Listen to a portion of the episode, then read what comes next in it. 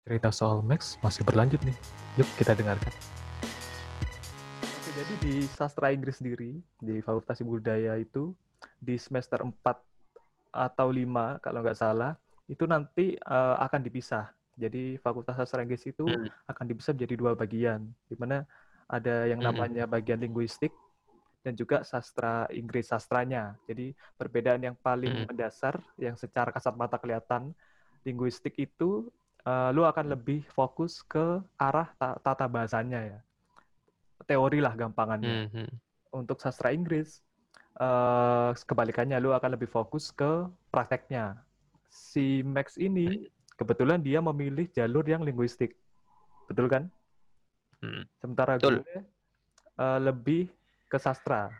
Jadi uh, aku di sini hmm. akan menanyakan dari pandangan anak sastra ke anak linguistik seperti itu ya. Hmm. Jadi pertama-tama dalam uh, semester 4 5 itu dalam proses pemilihan itu kenapa sih lu memutuskan untuk memilih linguistik gitu? Karena it, kalau menurutku itu bosan banget kan itu akan banyak ngomongin soal teori gitu. Kenapa sih lu milih hal yang serumit hmm. itu gitu?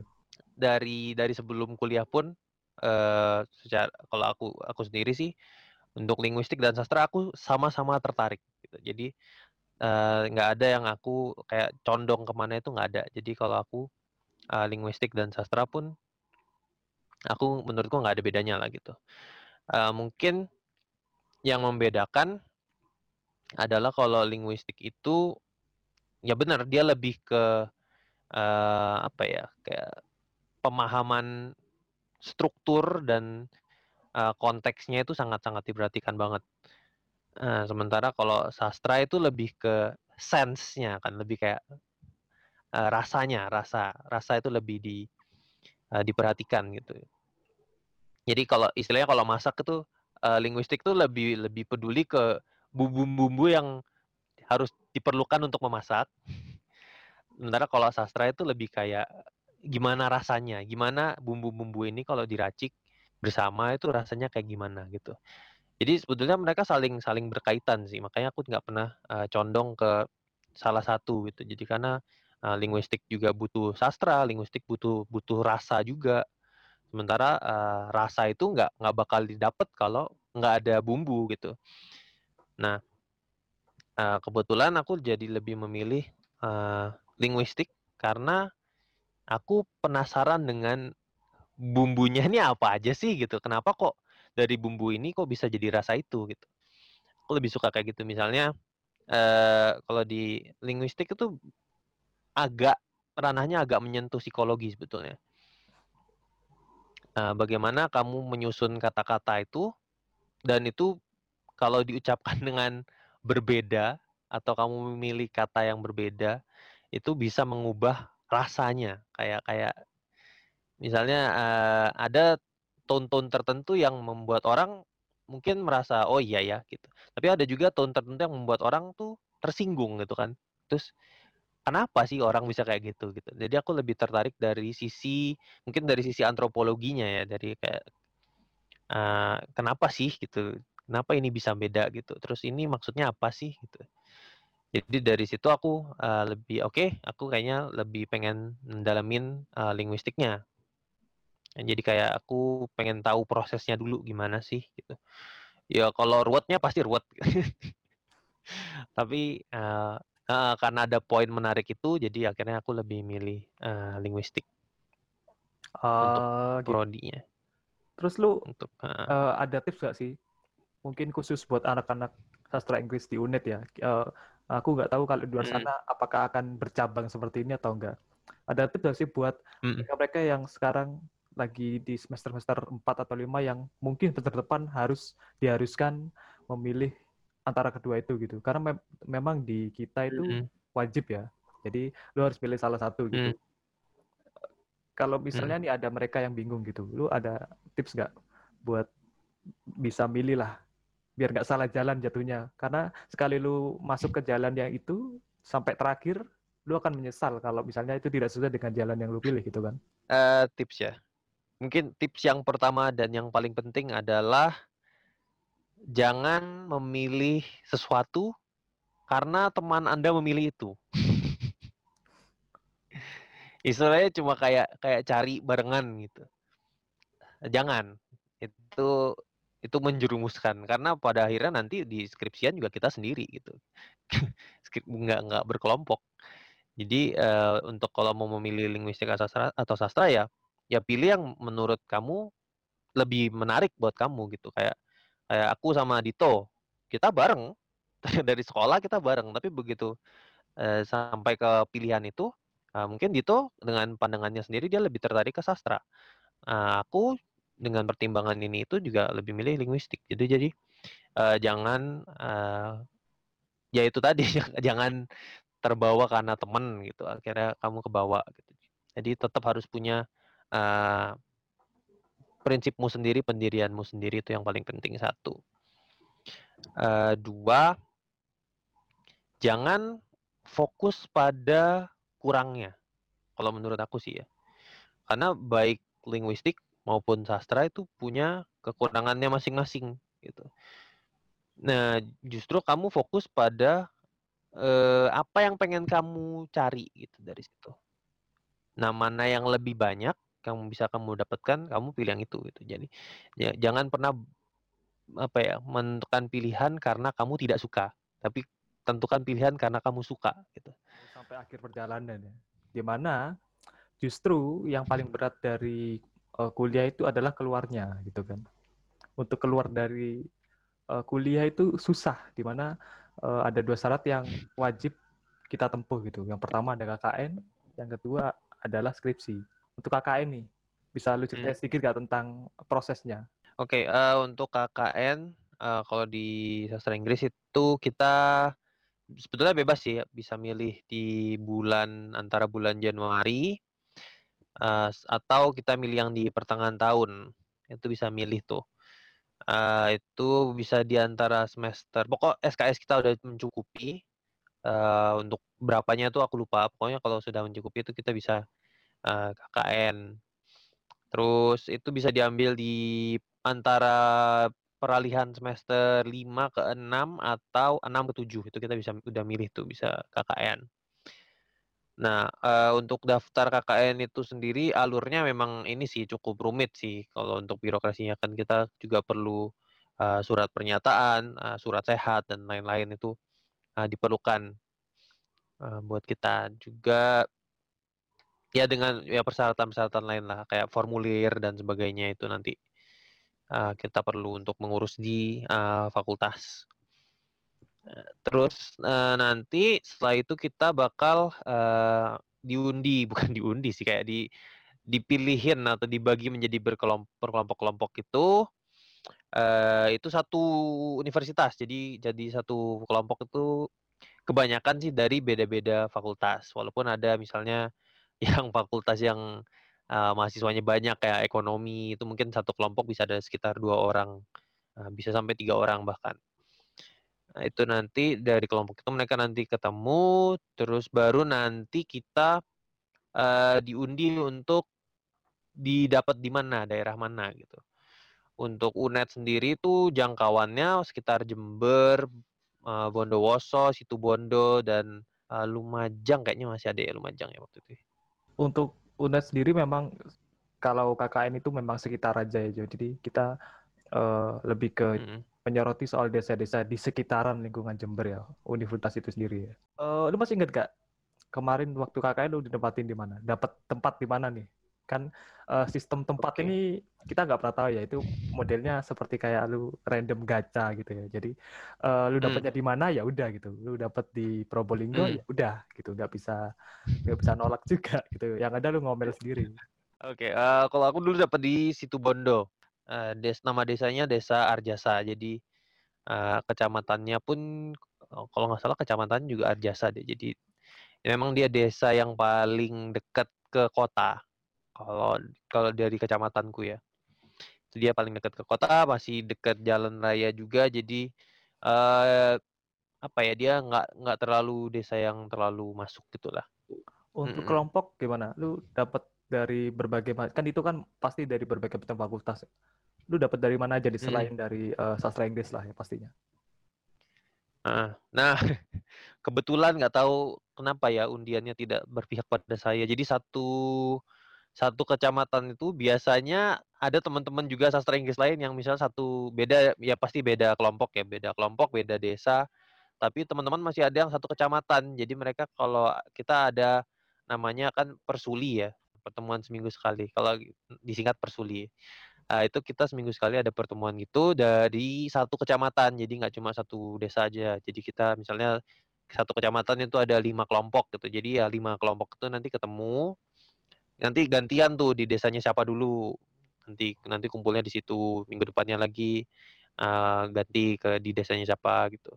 Gantian kayak gitu. Nah, itu mereka masih ada yang misalnya satu kecamatan itu bareng gitu. Jadi pas bersuli itu mereka masih ketemu. Nah, kebetulan waktu saya satu kecamatan itu cuma saya sastra Inggrisnya. Bahkan uh, yang dari fakultas yang sama pun cuma satu, itu pun dari sejarah, ilmu sejarah dan saya nggak kenal gitu. Jadi uh, saya benar-benar sendirian waktu itu, waktu uh, KKN itu. Terus untuk teman-teman satu kelompok sendiri itu ada yang dari uh, FISIP ada um, jurusan sosiologi, terus um, kedokteran ada, keperawatan ada, uh, ekonomi jelas ada dua, uh, hukum ada, uh, fakultas MIPA juga ada, pertanian juga ada. Uh, menarik sih, uh, karena kakak ini kan kita pasti dihadapkan dengan situasi yang baru, orang baru, tempat baru. Hmm. Ada nggak sih kesulitan uh, ya untuk adaptasi lah? Karena kan kita benar-benar berada di lingkungan baru dan seperti yang lu bilang tadi, lu benar-benar sendirian gitu di situ. Uh, ini ada ada pengalaman lucu juga sih. Jadi Uh, karena kan memang aku tipenya orang yang bukan nggak mudah untuk memulai percakapan gitu kan atau nggak mudah bisa langsung cair gitu dengan semua orang. Jadi aku cenderung di awal tuh lebih kayak orang yang diem gitu. Jadi orang kebanyakan yang tahu aku tuh pertama kali memang aku diem gitu. Tapi kalau aku sudah merasa nyaman dengan dengan uh, lingkungan itu ya ya aslinya keluar gitu. Hmm, nah jadi waktu KKN itu dari waktu kita ketemu kelompok sampai sekitar seminggu awal di di lokasi itu mereka masih menganggap saya orang yang diem gitu. Jadi kayak bahkan waktu ada kayak evaluasi kelompok gitu terus uh, masukannya buat uh, Max itu adalah uh, coba lebih ini lagi, coba lebih apa apa namanya ya? Lebih luas gitu lah, lebih bersosialisasi gitu gitu karena memang aku diem gitu kan lebih diem gitu. tapi begitu minggu kedua ketiga dan sampai terakhir itu mereka baru tahu aslinya aku dan sudah keluar aslinya itu ya ya udah mereka. Mereka sudah paham nah itu tuh. bahkan level di atasnya uh, mereka.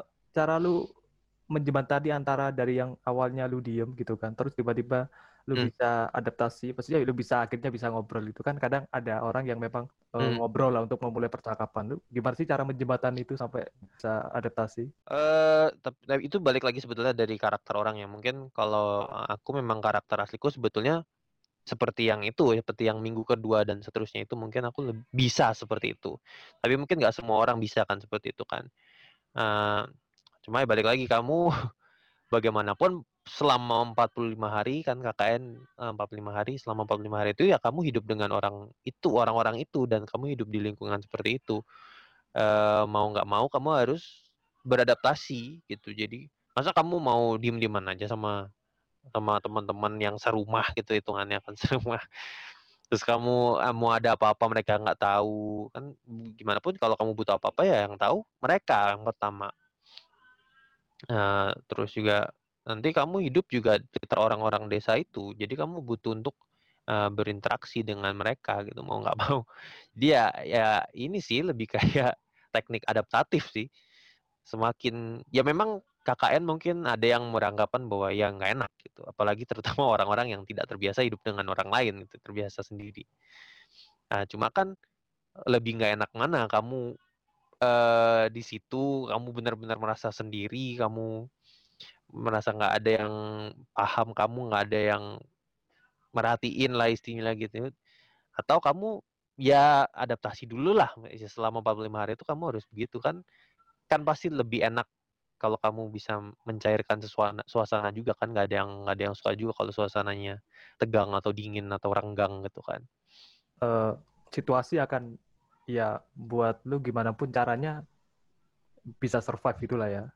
Walaupun awalnya nggak mau Mhm. gitu. Terus uh, untuk KKN, KKN kan identik pasti dengan uh, yang namanya proker, program kerja itu. Untuk program kerja lu sendiri apa sih waktu Mhm. itu? Bisa lu uh, jelasin cara singkat lah. Eee, itu yang agak agak sulit sih sebetulnya karena, eee, untuk KKN sekarang, eee, di zaman-zaman sekarang ini memang lebih lebih sulit karena kita langkah kita lebih dibatasi karena kayak KKN sekarang itu sebetulnya kita sudah tidak diperbolehkan mengajar sebetulnya. Tidak diperbolehkan mengajar, tidak diperbolehkan untuk membangun sesuatu, itu tidak diperbolehkan.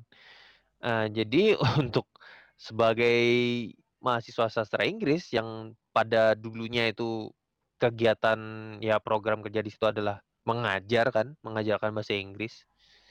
Itu agak sulit gitu untuk mengakalinya apalagi, eee, untuk kelompokku waktu itu, eee, dosennya meminta setiap anak harus punya satu program kerja.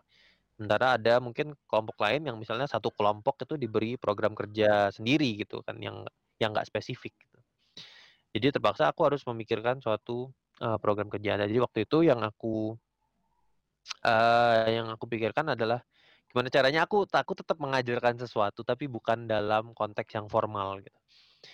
Nah, akhirnya aku mikir, "Oh iya ya, gimana kalau aku, eee, mengajarkan kosakata aja nih, ngajarin kosakata bahasa Inggris untuk anak SD, tapi medianya bukan dengan cara mengajar dalam kelas gitu, tapi aku bikin membuat mading." Jadi Wah, membuat mading, juga. jadi, eee, kan ada tuh poster heeh, poster binatang yang biasanya ada 2 bahasa tuh kan, ada bahasa Indonesia sama bahasa Inggrisnya gitu kan.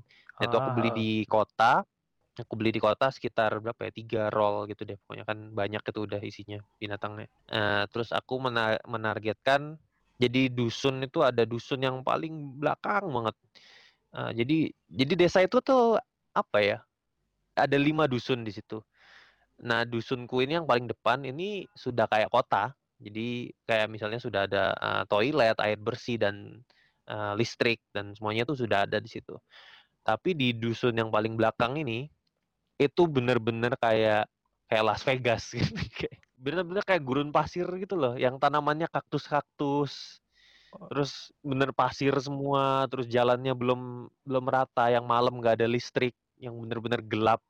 Itu dusun paling belakang tuh kayak gitu. Yang listrik itu cuma nyala tuh di malam hari gitu, di siang nggak ada dia.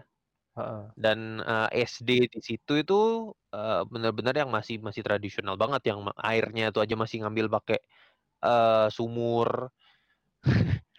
Terus, eee, ya muridnya cuma satu kelas cuma berapa ya, kayaknya cuma sekitar 10 gitu deh satu kelasnya itu. Akhirnya aku milih di situ, eee, muridnya karena juga jumlahnya nggak terlalu banyak, jadi lebih mudah di-handle. Akhirnya aku di ya di situ, akhirnya kita kayak pertamanya kita main game dulu, kayak suaranya binatang gimana, main game. Baru habis itu kita bagi kelompok, terus nanti setiap kelompok kasih satu roll-nya poster itu, terus gunting-gunting, ditempel, diwarnain, terus nanti belajar, "Oh ini apa, binatang apa," gitu. Baru kayak gitu sih. Jadi, eee, secara nggak langsung sebetulnya ngajar, tapi bukan dalam konteks yang formal gitu, lebih kayak fun and games gitu. Oh, Kayak gitu sih gitu. kalau aku. Mungkin kalau menurutku akan lebih Mhm. mudah karena memang basic lu uh, ngajar juga ya. Jadi ya mungkin ini secara situasi memang tidak formal tapi uh, secara tujuan kan tetap Mhm. sama mengajar gitu kan. Terus untuk yang terakhir nih, mhm. uh, di mana uh, kalau di Uni- Universitas Jember itu di terakhir pasti akan ada namanya laporan setelah KKN. Lu diwajibkan untuk mengumpulkan laporan apa Mhm atas apa aja yang udah lu lakuin selama 45 hari ke dalam sebuah laporan itu. Lu ada masalah mhm. gak sih ngumpulin laporan gitu? Kan biasanya mungkin kendalanya adalah uh, waktu yang tidak cukup atau program kerja yang tidak selesai Mhm. dan sebagainya. Kalau, eee, kelompokku kebetulan waktu itu, eee, kita sudah punya, eee, rencana gitu ya. Jadi kita punya udah punya jadwal gitu kayak, eee, minggu ini program siapanya programnya siapa dulu programnya siapa dulu. Nah, eee, setelah itu, eee, si orang itu akan langsung mengerjakan laporan punya dia. Jadi udah dicicil dulu gitu. Punyaku waktu itu prokerku itu paling terakhir, karena aku memang minta paling terakhir. Udah deket-deket mau penarikan gitu. Karena, eee, akhirnya udah selesai, terakhir jadi kita sebelum pulang KKN itu laporan kita udah selesai. Oke oke, menarik Mhm, menarik. jadi tinggal digabung-gabungin aja gitu. Oke, jadi KKN kelar nih ya. Eee, terus, Mhm. eee, lu kira-kira dari awal sampai, eee, semester terakhir ini, pasti terakhir lu tinggal ngambil skripsi doang kan berarti kan? Eee, kalau di sastra Inggris beda. Jadi kita habis, eee, habis KKN, eee, kita masih di semester 7 tuh kita masih ada kuliah.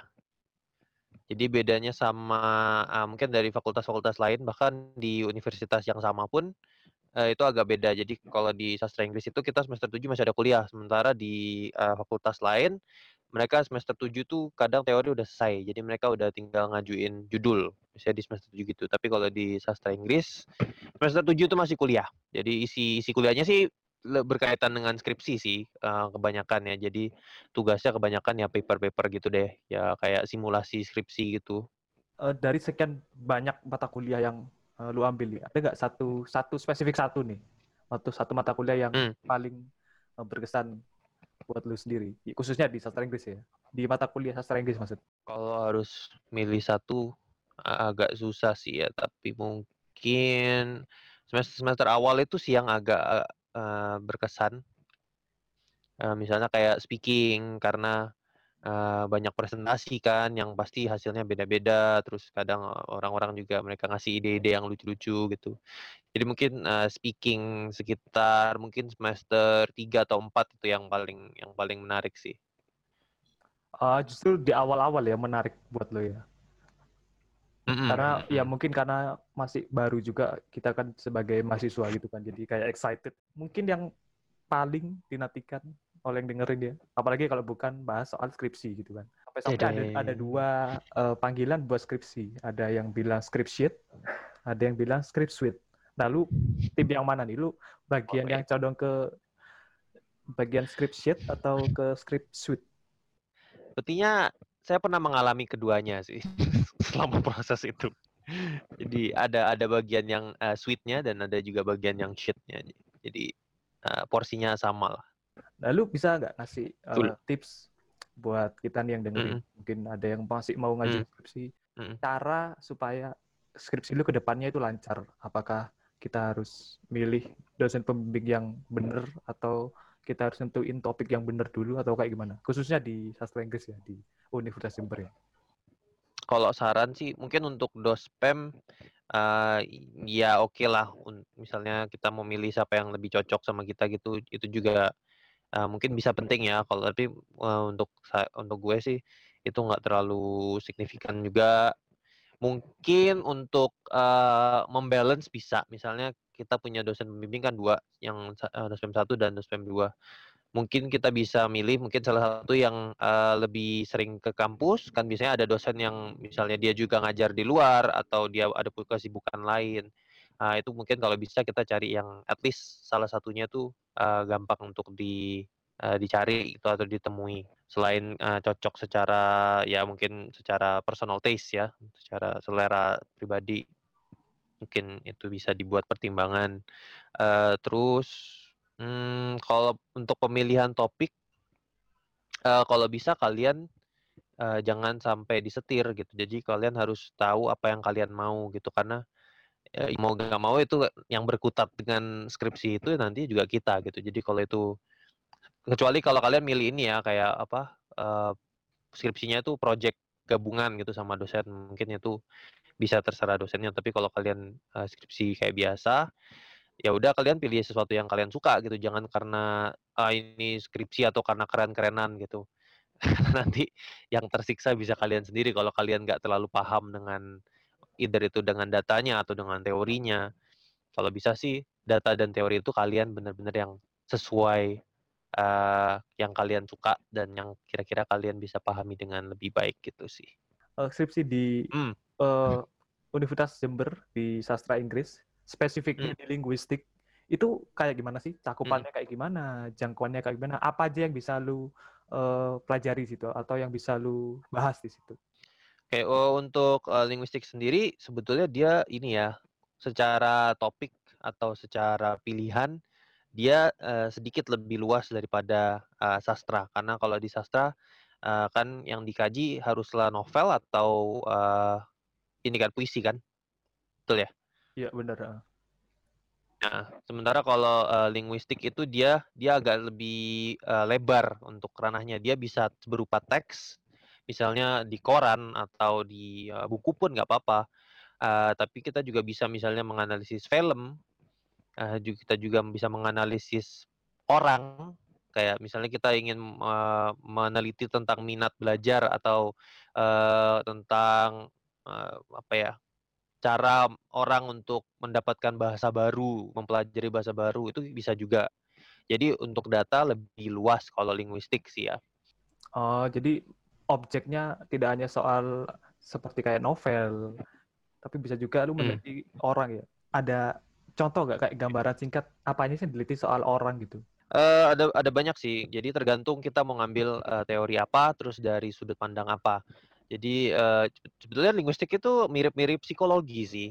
Jadi uh, kita kayak mencerna suatu kalimat dari seseorang dan kita mencoba menerka-nerka dia tuh mau pengen ngomong apa sih, yang dia maksud itu apa sih, terus buktinya tuh apa dari kalimat itu gitu. Uh, terus kalau meneliti orang itu caranya macam-macam. Salah satunya uh, interview atau kita bikin angket buat survei. Kalau data kita kuantitatif kan biasanya untuk survei kita butuh data yang kuantitatif gitu. Jadi butuh kayak bikin kuesioner, terus kemudian dari uh, jawaban orang-orang itu nanti kita simpulkan sendiri, terus kita kalkulasiin dengan adalah teorinya itu secara uh, metodologi. Uh, jadi kayak gitu sih kalau yang mengamati orang ya biasanya uh, misalnya tentang minat baca atau tentang uh, ke kesulitan orang dalam belajar bahasa Inggris misalnya apa sih yang paling sulit gitu. Nah, itu biasanya pakai itu, pakai survei. Untuk anak-anak linguistik sendiri nih, uh, khususnya mungkin hmm. buat mereka yang lagi dengerin ini, yang mungkin merasa stuck di tengah jalan, ada nggak tips buat um, ya biar cepat kelar lah skripsi ini? Oke, okay. um, kalau tips gue untuk misalnya kalau buntu itu suatu hal yang wajar sih. Uh, pada waktu itu gue pun mengalami hal yang sama sempet uh, bukan bukan buntu sih lebih kayak uh, ini mau diapain ya data dari data ini tuh aku mau ngapain aja ya apa aja yang mau aku lakuin gitu karena kebetulan uh, untuk skripsi gue sendiri juga ada ada sedikit perubahan gitu dari dari judul awal terus selama pekerjaan itu ada ada perubahan sedikit gitu jadi memang pada awalnya uh, untuk skripsi gue kan tentang uh, humor, tentang khususnya untuk dark humor gitu.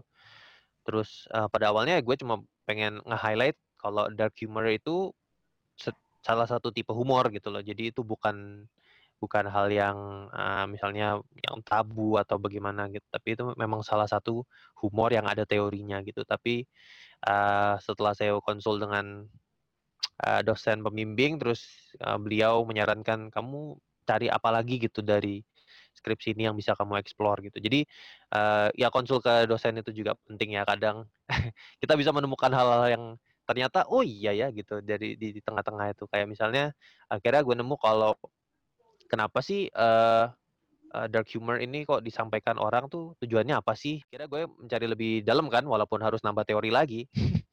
Tapi ya nggak apa-apa lah pada akhirnya nemu kadang di tengah-tengah skripsi itu kita bisa nemu uh, hal-hal yang sebelumnya kita nggak duga gitu. Jadi kayak hipotesis awal dengan yang kita temukan di tengah itu kadang-kadang bisa beda gitu. Dan itu menarik juga sih buat di buat digali kayak di tengah-tengah itu kayak menemukan kalau kenapa sih orang bikin uh, dark humor, terus caranya kenapa sih orang bikin dark humor gitu. Alasannya apa? Itu nanti ketemu di di tengah-tengah. Oh iya ternyata gini ya. Jadi dari satu topik itu bisa uh, bercabang ke mana-mana. Tapi tetap uh, balik lagi itu project kita.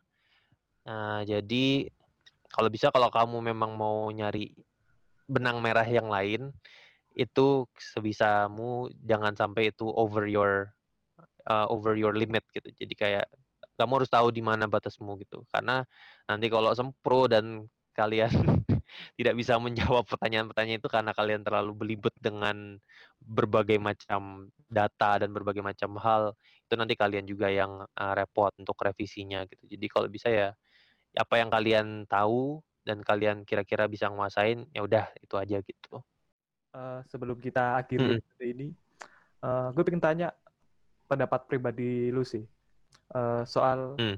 uh, kuliah di Universitas Jember kesan ya kesan lu lah uh, selama berkuliah 4 sampai lima tahun di sini gitu.